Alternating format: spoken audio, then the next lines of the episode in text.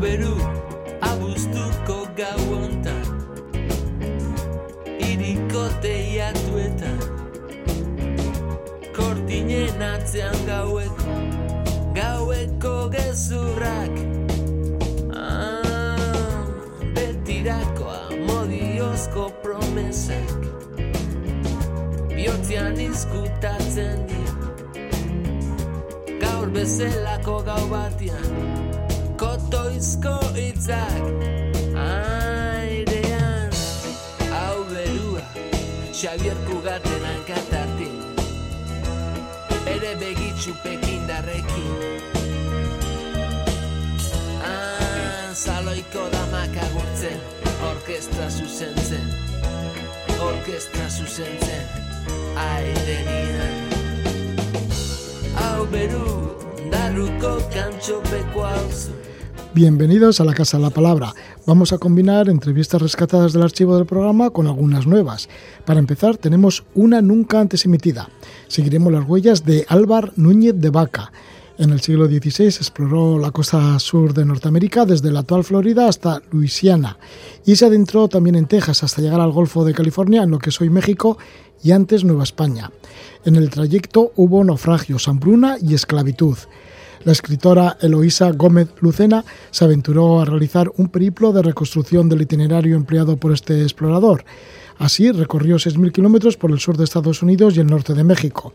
Publica del Atlántico al Pacífico tras los pasos de cabeza de vaca por Estados Unidos y México. Es un libro en el que combina la literatura de viajes con la investigación histórica. Y luego estaremos con Justina Aguerre Gogorza. Ella es ginecóloga. Reparte su tiempo entre temporadas trabajando para Osakidecha y salidas con diferentes organizaciones humanitarias como Médicos Sin Fronteras. De esta manera ha estado ejerciendo en países como Etiopía, Yemen, Irak, en Sierra Leona, en el Congo, en el Congo en una zona muy aislada, en Kivu Sur, y también en la República Centroafricana. Presta servicios en diferentes maternidades y Justina Guerrero Gorza nos contará estas experiencias.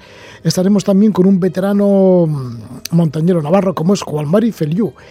Eh, inquieto montañero, Juan Mari Feliu nos va a presentar una nueva edición de la Guía de Montes de Navarra, 231 rotas a 522 cimas. Vio la luz este libro, que ya es un clásico, lo vio la luz por primera vez allá por el año 1996. Para esta nueva impresión, el autor se dedicó a ascender una vez más las cimas incluidas en esta guía, y esta vez acompañado de sus hijos y de sus nietos.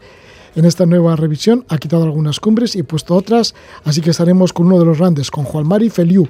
Pero ahora, para empezar, la escritora Eloisa Gómez Lucena nos habla de las aventuras de Álvar Núñez de Vaca.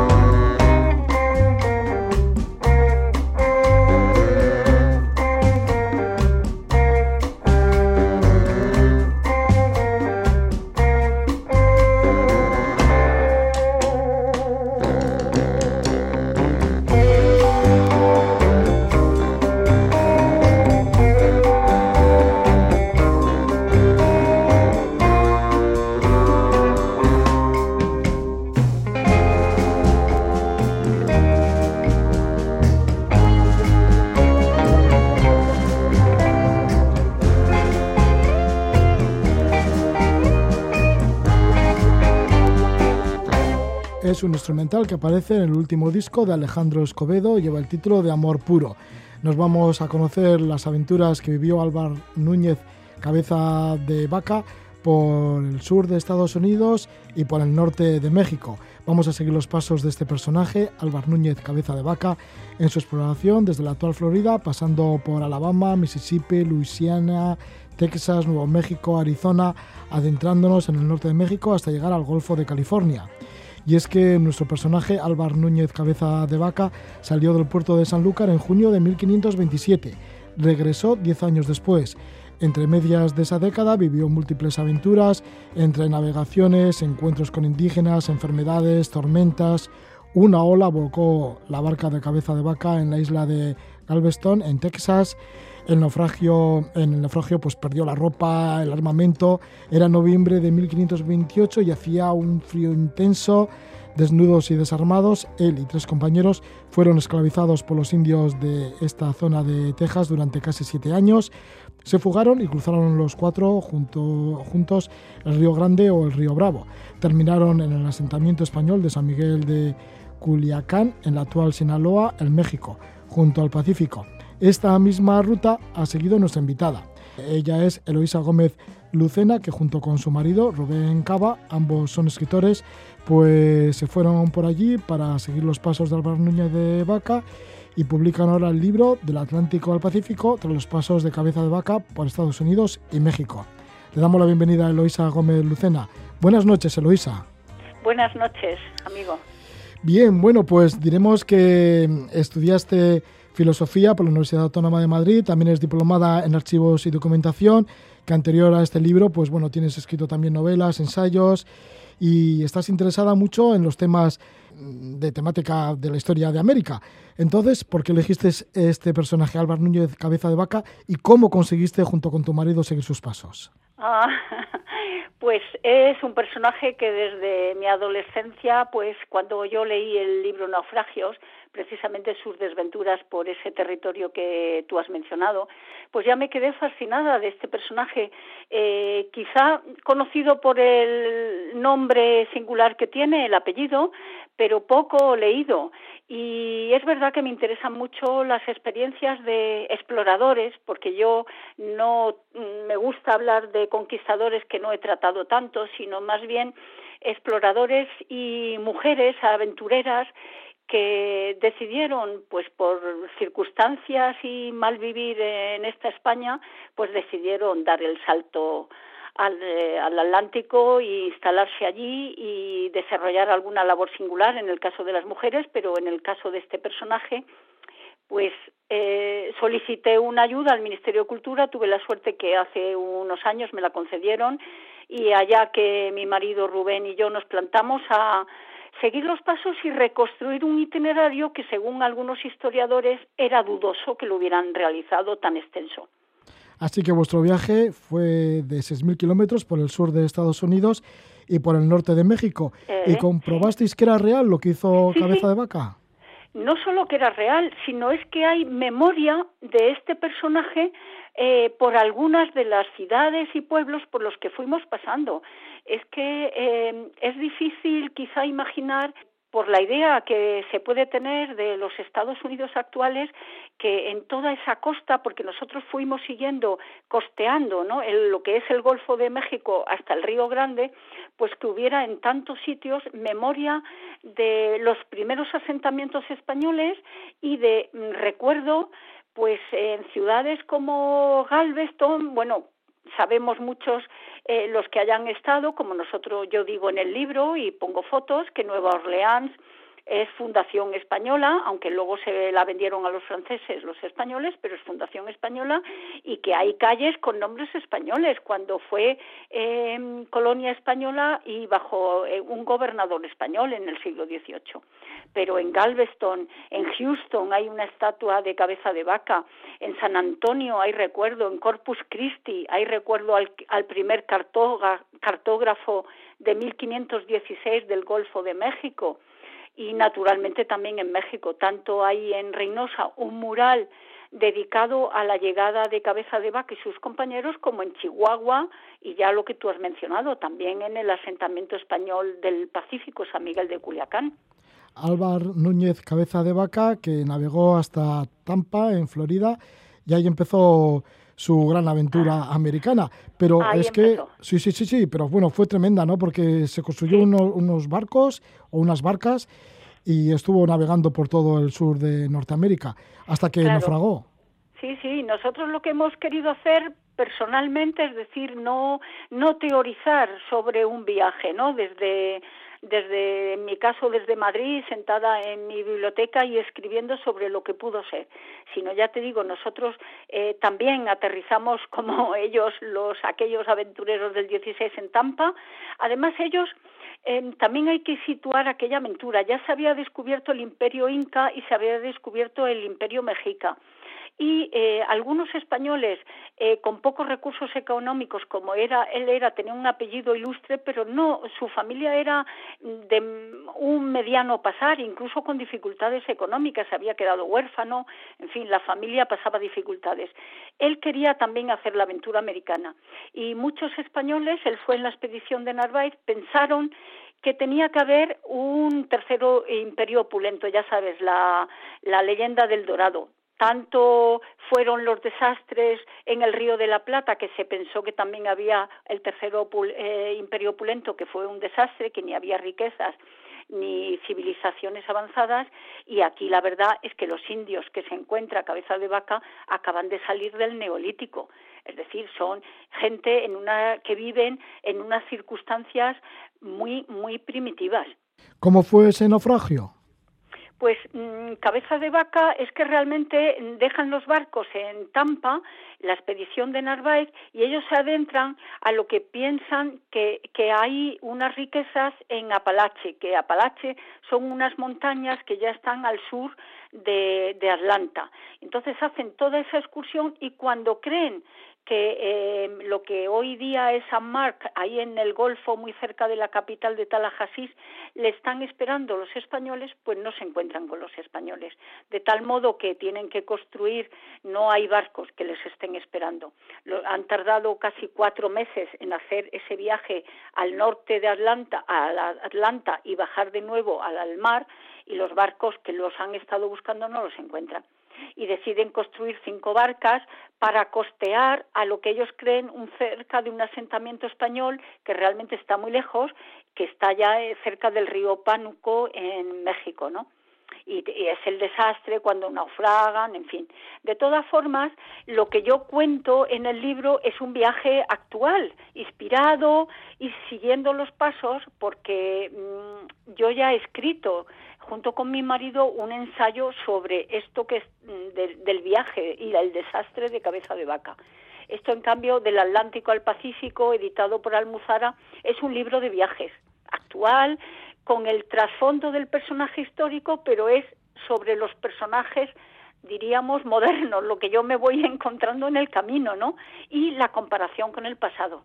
Así, alquiláis un coche en Tampa y empezáis a circular por Estados Unidos. ¿Cómo son las vivencias por Estados Unidos en, coche siguiendo los pasos de cabeza de vaca? Pues mira, las vivencias es curioso porque mm, mm, me enfrenté a dos singularidades extremas. Lo que cuenta una historia o el mito americano sobre sus, la construcción de su país, diríamos, y lo que es la historia real. Para empezar, en Estados Unidos la gente de cultura media pues eh, piensan que los primeros pobladores europeos son los peregrinos del Mayflower que llegaron a Plymouth Rock en Massachusetts. Pero es que mm, cuando nosotros desde Tampa decidimos ir a San Agustín, que está al este de la península de Florida, no exactamente en el recorrido de Cabeza de Vaca, pero queremos ir porque es la ciudad más antigua de Estados Unidos y es fundación española. 55 años antes de la llegada de los peregrinos. Y ahí sí que hay un recuerdo veraz y auténtico de las fundaciones españolas. Esto fue fundado, esta ciudad, por Pedro Menéndez de Avilés el 8 de septiembre de 1565. Como he dicho, 55 años antes de que llegaran los peregrinos. Y además, ahí consta el acta de matrimonio de dos españoles eh, que se casaron en San Agustín en 1598. De hecho, ese acta de matrimonio es el documento civil, privado, que consta más antiguo de todos los Estados Unidos. Y el escudo de San Agustín sigue siendo el de la corona de Castilla y bajo él campea el lema de la ciudad, que traducido al español está en inglés, dice la ciudad más antigua de Estados Unidos y el lugar de nacimiento de la historia de América. Eh, el hecho curioso es que ahí también se encuentra en San Agustín la fuente de la eterna juventud. Ya sabes, y tus oyentes también, que esa fuente la estuvo buscando Ponce de León cuando era mayor eh, para intentar curarse de sus achaques. Ya sabes que es la fuente que convierte jóvenes a los ancianos. Nosotros, desgraciadamente, no pudimos echarnos un traguito de la fuente porque ya habían echado el candado a la cueva donde está. Así que San Agustín es la ciudad más antigua fundada en Estados Unidos. La más antigua a pesar de que la incultura de muchos americanos y desgraciadamente de muchos españoles a través de tantas películas americanas siguen haciéndonos creer que aquellos peregrinos fueron los primeros eh, pobladores europeos, ¿no? Esto en la península de Florida, pero por ejemplo, otro, otra leyenda, otra historia, la de San Antonio, en donde está la misión del Álamo, también es como una especie de, bueno, de que no es, no es verdadera su historia o la que se ha pues querido transmitir. mira, porque es verdad, es otro mito que eh, en San Antonio de Texas, que nosotros llegamos tras recorrer en coche de alquiler más de 3.000 kilómetros desde el comienzo, como has mencionado, en Tampa, por carreteras secundarias, en fin, también nos encontramos con lugares y pueblos muy singulares, pues ahí en lo que hoy es el Fuerte del Álamo, que ha salido en tantísimas películas, los francmasones tejanos honran en ella a los héroes de la resistencia contra el cerco del general mexicano Santana y sus tropas, que esto sucedió el 23 de febrero, unos días, 12 días exactamente, entre el 23 de febrero y el 6 de marzo de 1836. ¿eh? Y precisamente porque la República de Texas, eh, que dependía de México, del estado de Coahuila, se había eh, proclamado independiente porque no quería seguir pagando los impuestos a México y, sobre todo y fundamentalmente, claro, porque México había prohibido la esclavitud y Texas permitía la esclavitud y, de hecho, en el fuerte del Álamo estaban los colonos americanos con muchísimos eh, esclavos negros. Entonces, lo que cuento en el libro es que estoy leyendo la placa que hay a la izquierda de la puerta principal del fuerte eh, construida y pagada por los francmasones tejanos, en donde honran a los héroes de ese cerco que he dicho, ¿no? Y yo, pues al leer los nombres, como había leído la historia del Álamo, pues iba añadiendo algún comentario sarcástico en voz alta, ¿no? Y decía James Bowie, ¿no? Que según el mito se enfrentó a una escuadra de soldados con su cuchillo de doble filo. Pues nada de eso, le decía yo a Rubén. Murió en su cama, paralizado por una hernia discal y además tenía tifus. Y así iba leyendo los nombres y añadíamos algún comentario en voz alta y ya los guardias, pues eso, que nos miraban recelosos, ¿no? Pues alguno debía de entender español. Pero es que hoy, como yo leí en un historiador americano, están revisando la batalla del Álamo y, y esa gente que está revisando esa batalla hoy día son tachados de matapatrias.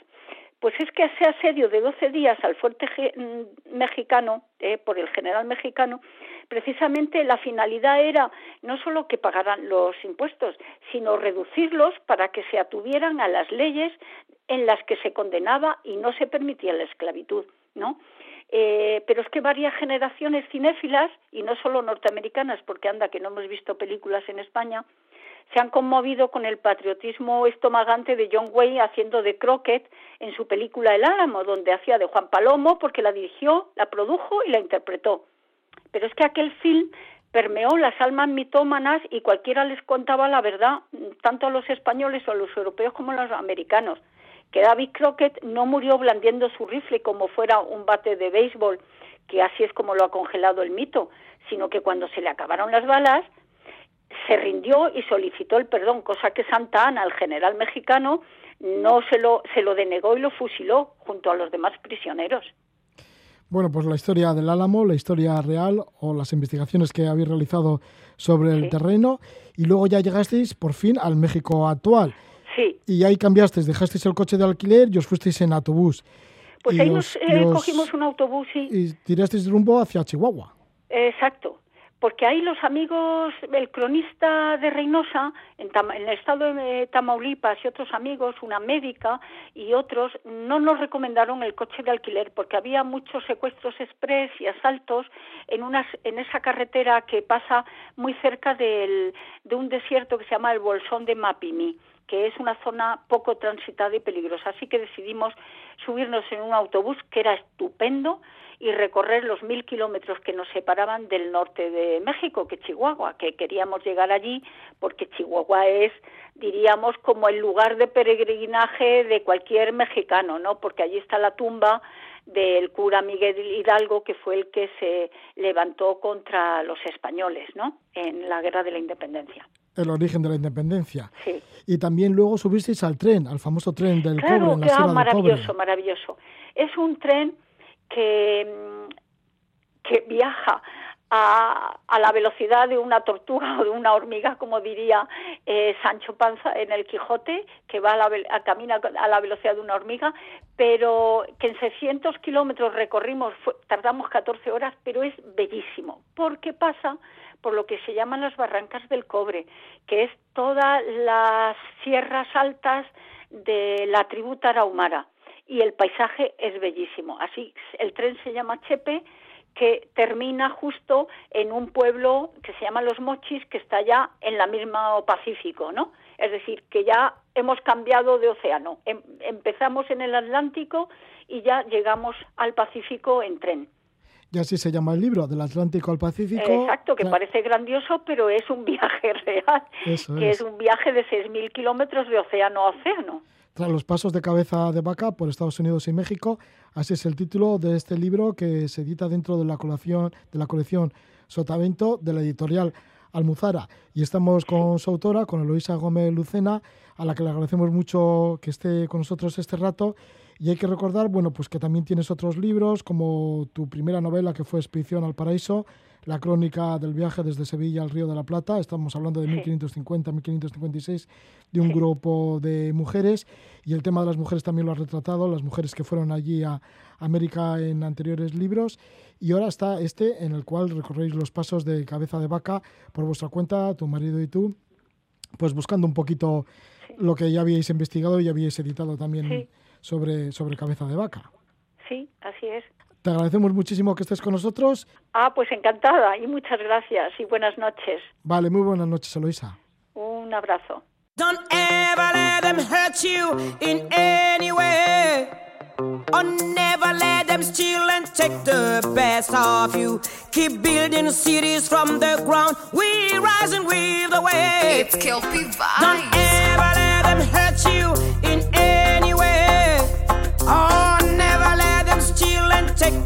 best of you.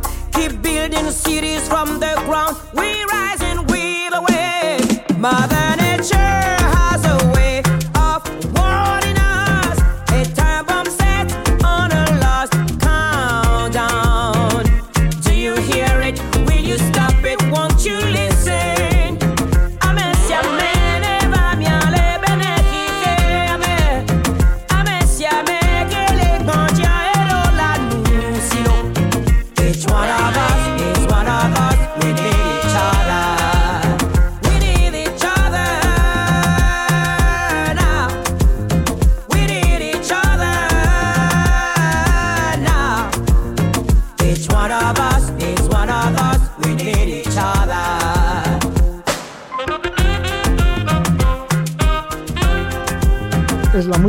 cantante de Benín, Angeli Quillo, con el tema Mother Nature. Y estamos con una persona que ha estado en varias zonas del continente africano y también de Medio Oriente. Lo ha hecho además como cooperante. Es Justina Aguerre Gogorza. Nació hace 34 años en la provincia de Corrientes, en Argentina. Sus padres vinieron a vivir a Tolosa y ella reside en Donosti. Es ginecóloga, reparte su trabajo con temporadas en Osakidecha y temporadas como Médicos Sin Fronteras y otras organizaciones humanitarias, tanto en África como en Medio Oriente. Comenzó en el año 2017 en Etiopía, durante seis meses estuvo en Gambela, frontera con Sudán del Sur. Empezaron a crear una maternidad desde cero, luego ha proseguido por Yemen en una maternidad a 30 kilómetros de la línea del fuego.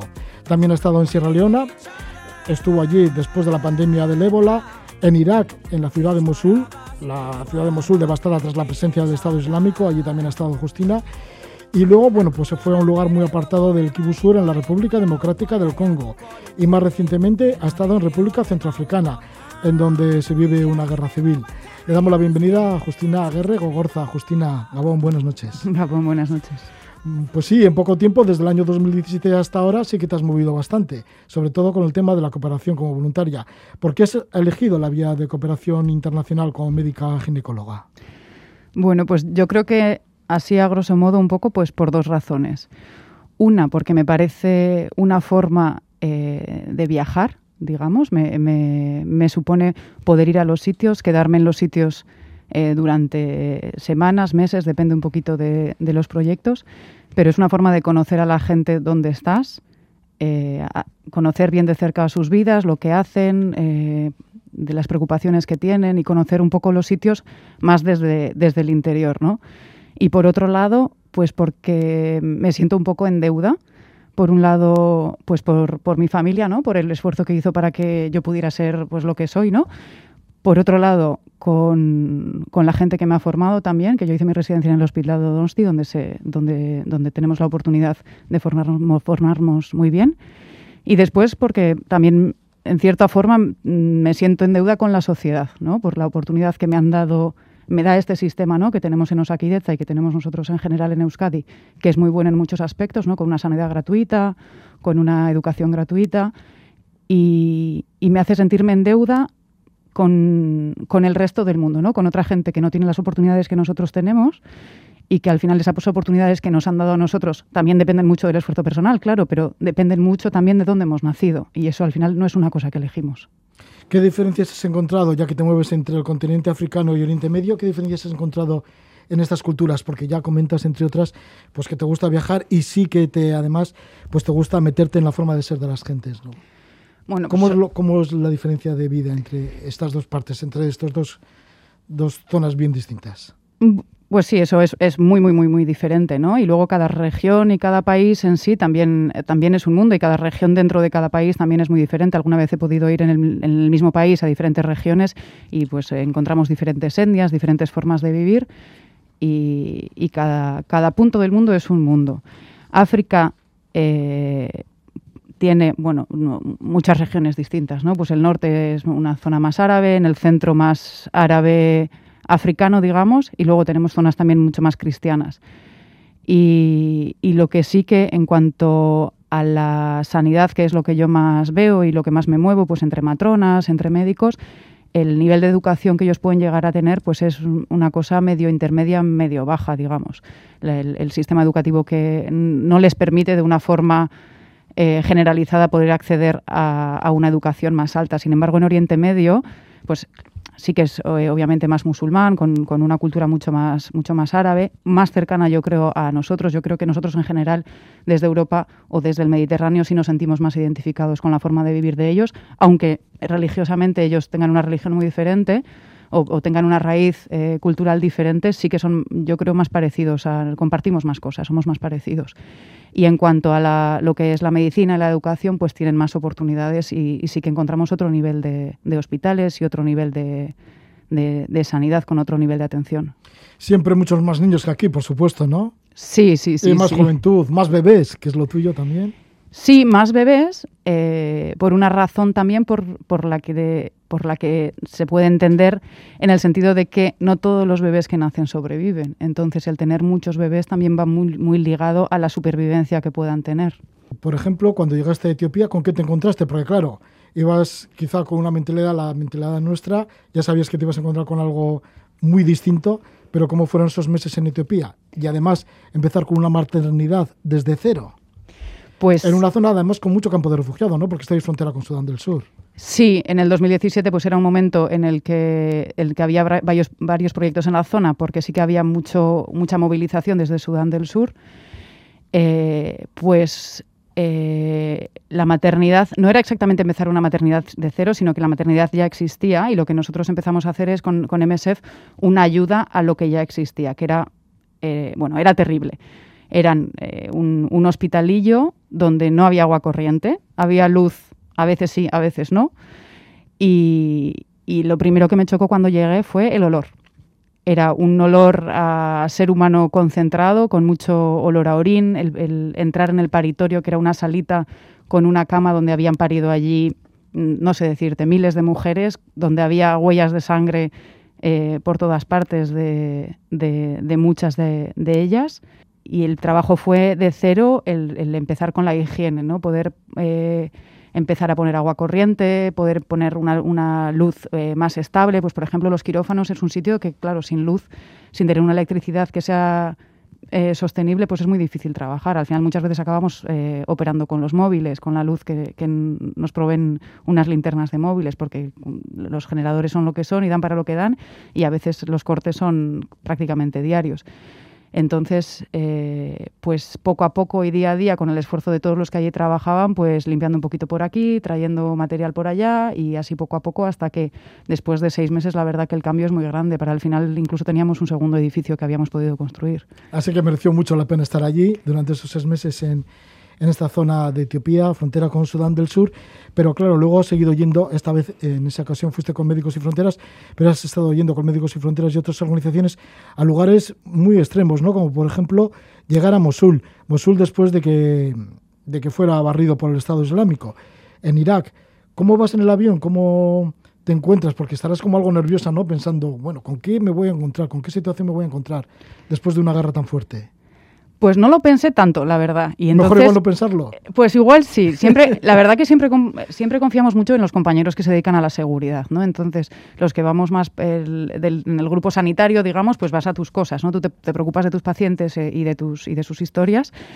Y, para esas cosas eh, confías prácticamente, no ciegamente, pero casi ciegamente en los compañeros de seguridad, que son los que dicen lo que se puede hacer y lo que no se puede hacer. Pero es verdad que la llegada a Mosul la recuerdo bastante dramática. Eh, había algunos campos de refugiados, de desplazados eh, en la entrada que, eran, que llamaban mucho la atención. Eh, y después los cascotes. Yo recuerdo cascotes por todas partes. Empezar a llegar a Mosul y encontrarte carreteras pues, que empezaban a tener muchos baches, que cachos enteros de asfalto que les faltaban. Y después cuando ya había edificios, cascotes por todas partes, edificios caídos, con, con, con los hierros hacia afuera ¿no? de la, del, del, corazón de las construcciones y, los agujeros en las paredes de los edificios. No había edificio que no estuviera acribillado, ya fuera por metralla o por balas, pero el, el, agujerito en las paredes con el cacho de, de cemento de alrededor caído por los tiros, eso me impresionó mucho. ¿Cómo estaban los ánimos de las gentes, de los ciudadanos de Mosul? Pues decaídos. Esto era ya cuando se empezaba a levantar un poco la ciudad, yo fui a echar una mano porque empezó la, población de Mosul, empezaba a volver a la ciudad y los hospitales la verdad que estaban bastante desbordados, no daban abasto.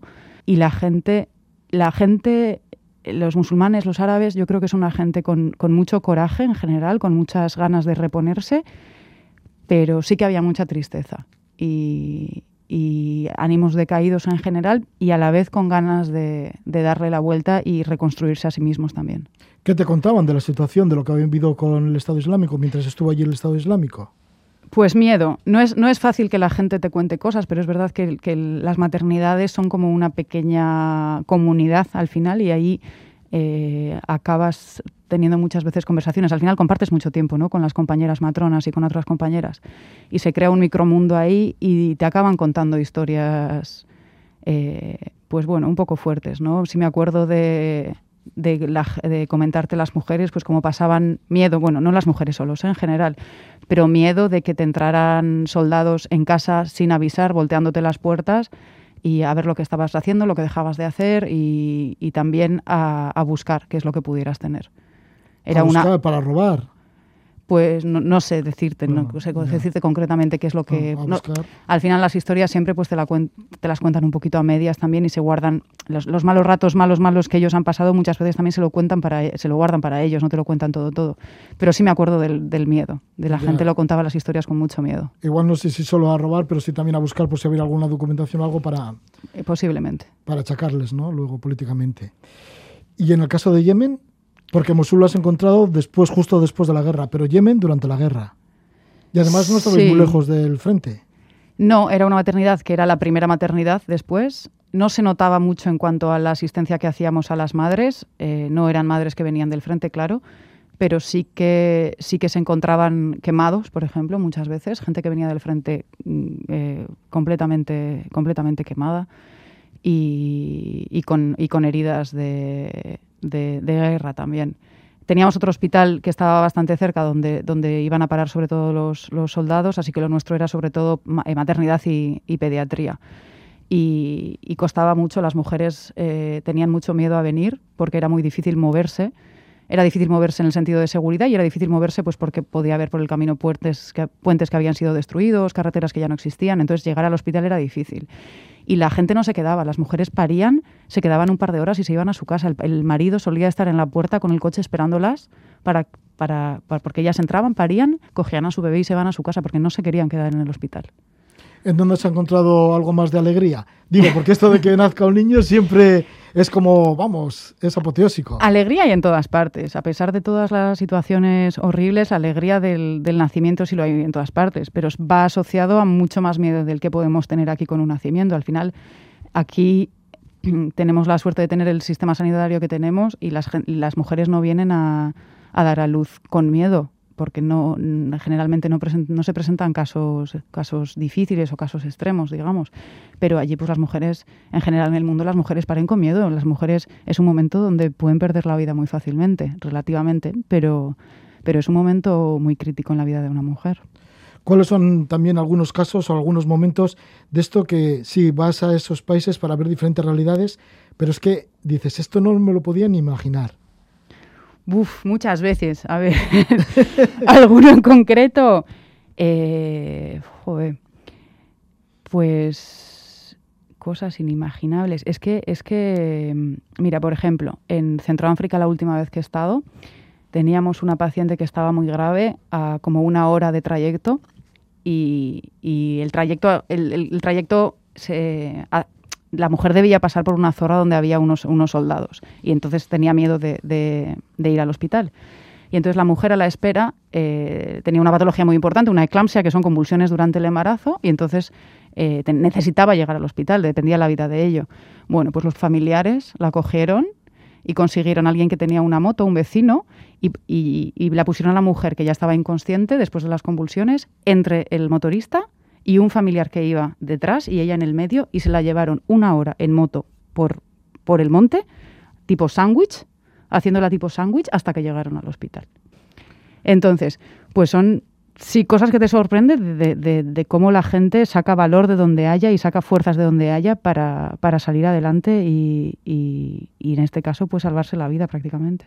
Cuando vives todo eso, seguro que piensas, esto hay que se tiene que dar a conocer, hay que divulgarlo, ¿no? Digo, porque pues, pues mira, se tiene que quedar ahí solo entre vosotras. Pues mira, por eso vengo, porque un compañero tuyo, una vez que me tocó hacer una entrevista, me dijo, si vas, pero si no lo cuentas, has hecho la mitad del trabajo. Y a mí venir me da mucha vergüenza y me da mucha taquicardia estar aquí, pero tenía toda la razón y desde entonces cada vez que me invitáis a alguna, me invitáis a alguna cosa así, pues intento, intento venir. Bueno, pues muchísimas gracias por el esfuerzo. Espero que todo haya ido bien, o que no hayas estado muy nerviosa ahí todavía con las manos cruzadas casi, casi. Bueno, pues muchísimas gracias por estar con nosotros, Justina Guerrero Gorza, que eres ginecóloga, médica ginecóloga. Estás en ayuda humanitaria, has trabajado temporadas con Médicos Sin Fronteras, también con otras organizaciones humanitarias, tanto en el continente africano como en el Medio Oriente. Y mientras tanto, pues también estás trabajando en Osakidecha. Y ahí, bueno, pues ahí estás entre, entre esos dos mundos. Así que gracias por, por habernos hablado un poquito de algunas de tus vivencias y de cómo está el mundo sanitario en otras partes del mundo. Muchas gracias. Planeta. Sí, muchas gracias por invitarme.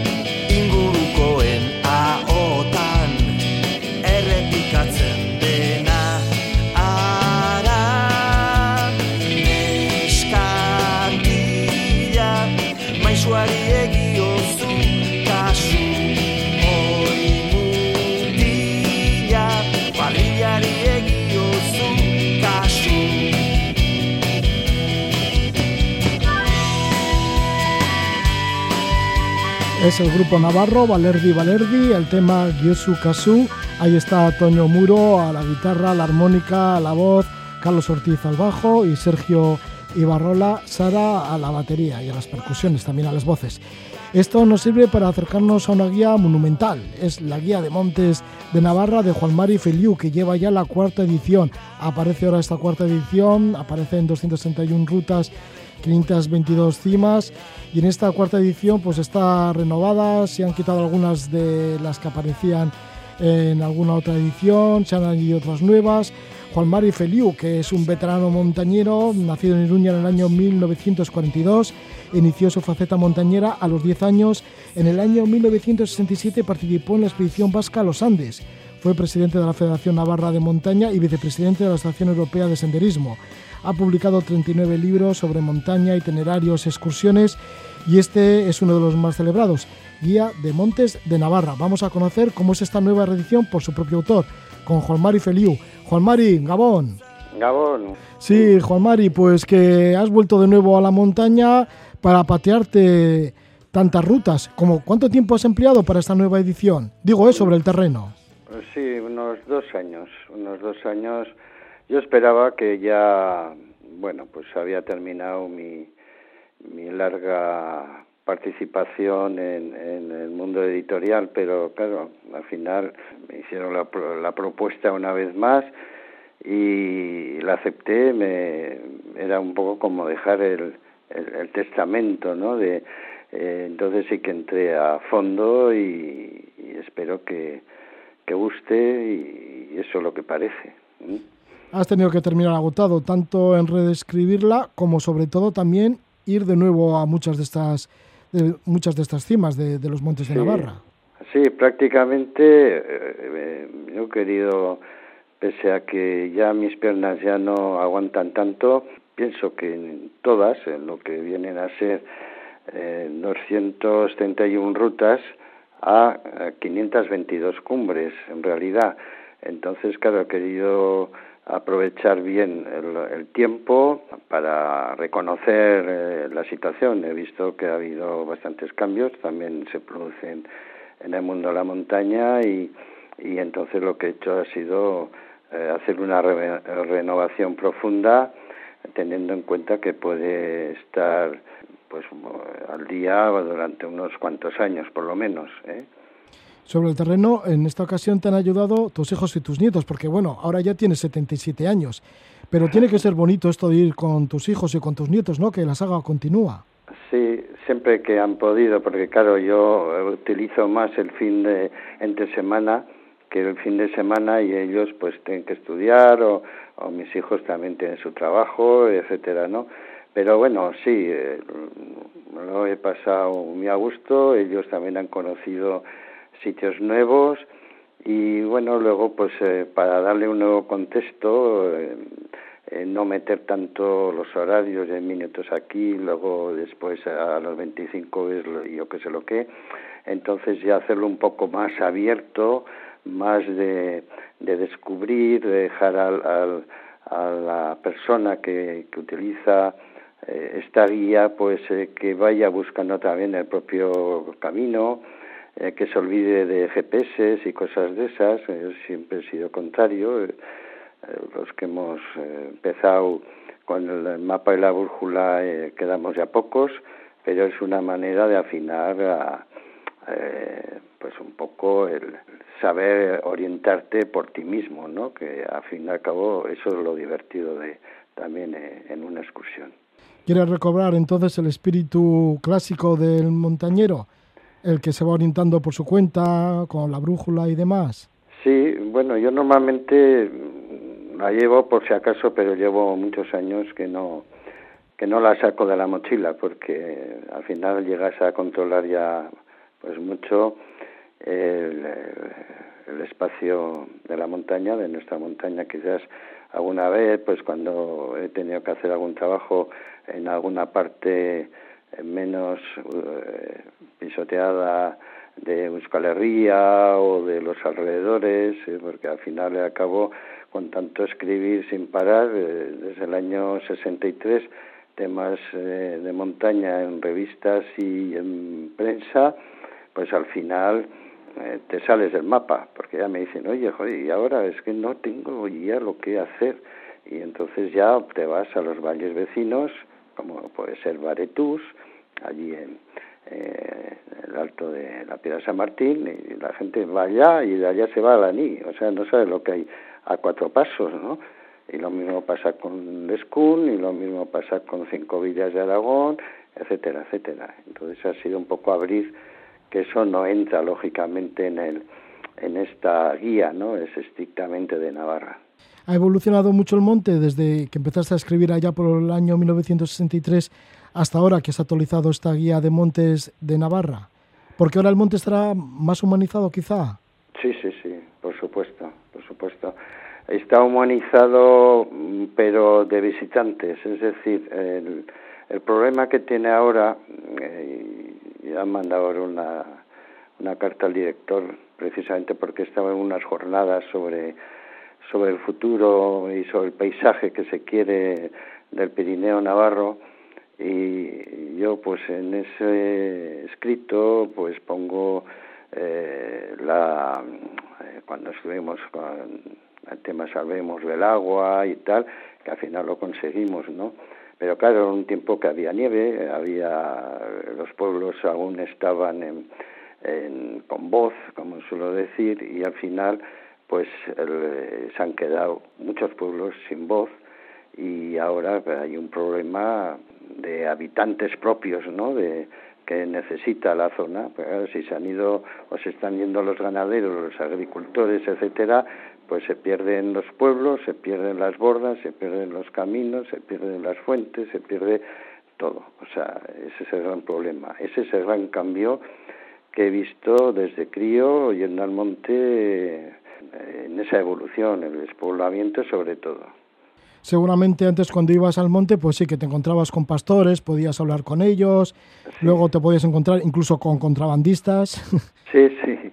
No, todas esas experiencias las tengo además y las cuento, y, en fin.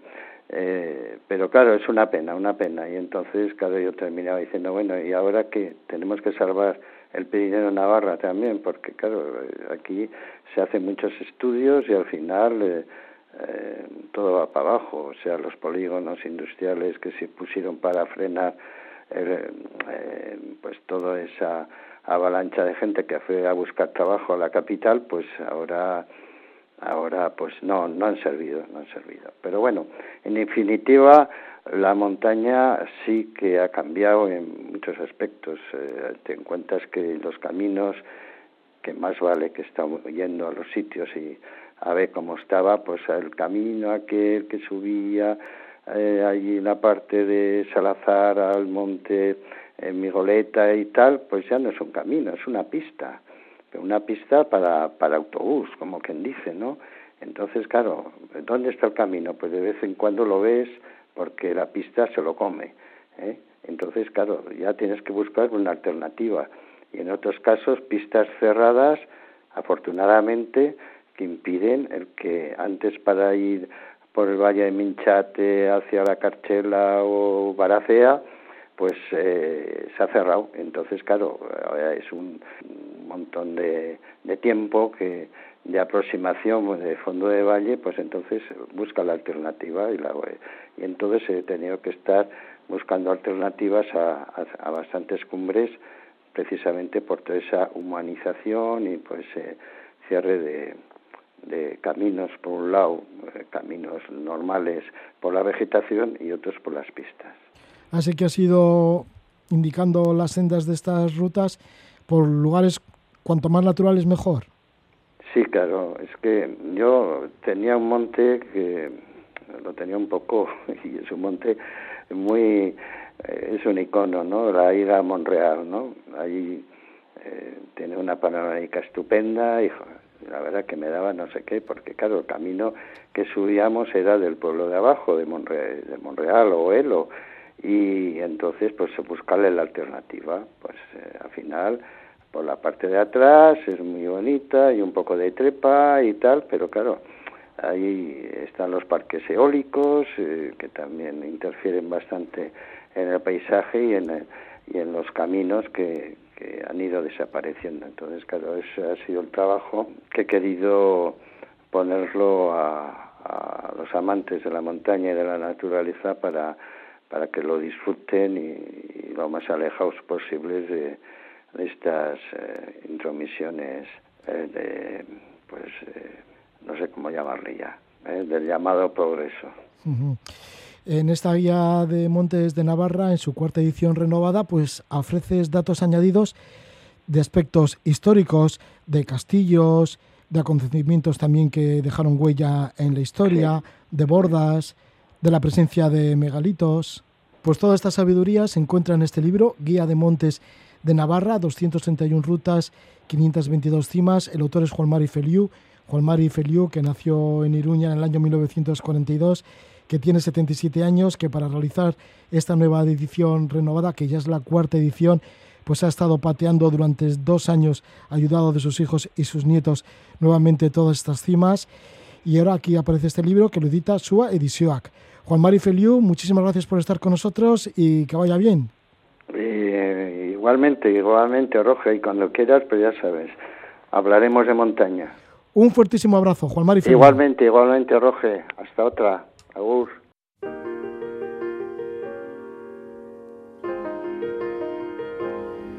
Juan Mari Feliu haciéndonos referencia a la Guía de Montes de Navarra, todo un clásico. Una entrevista que realizamos a Juan Mari Feliu en este programa en la Casa de la Palabra en noviembre de 2019.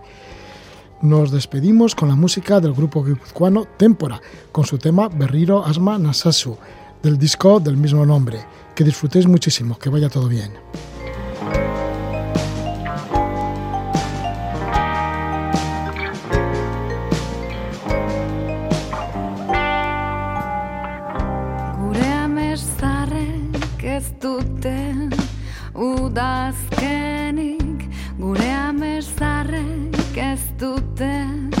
Aterkirik gure amesarrek ez dute geltokirik. Gure amesarrek eta zuk eta nik berriro asmanazazu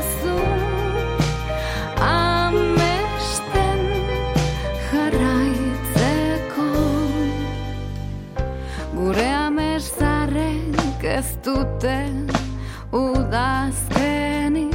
Gure amesarrek eta zuk eta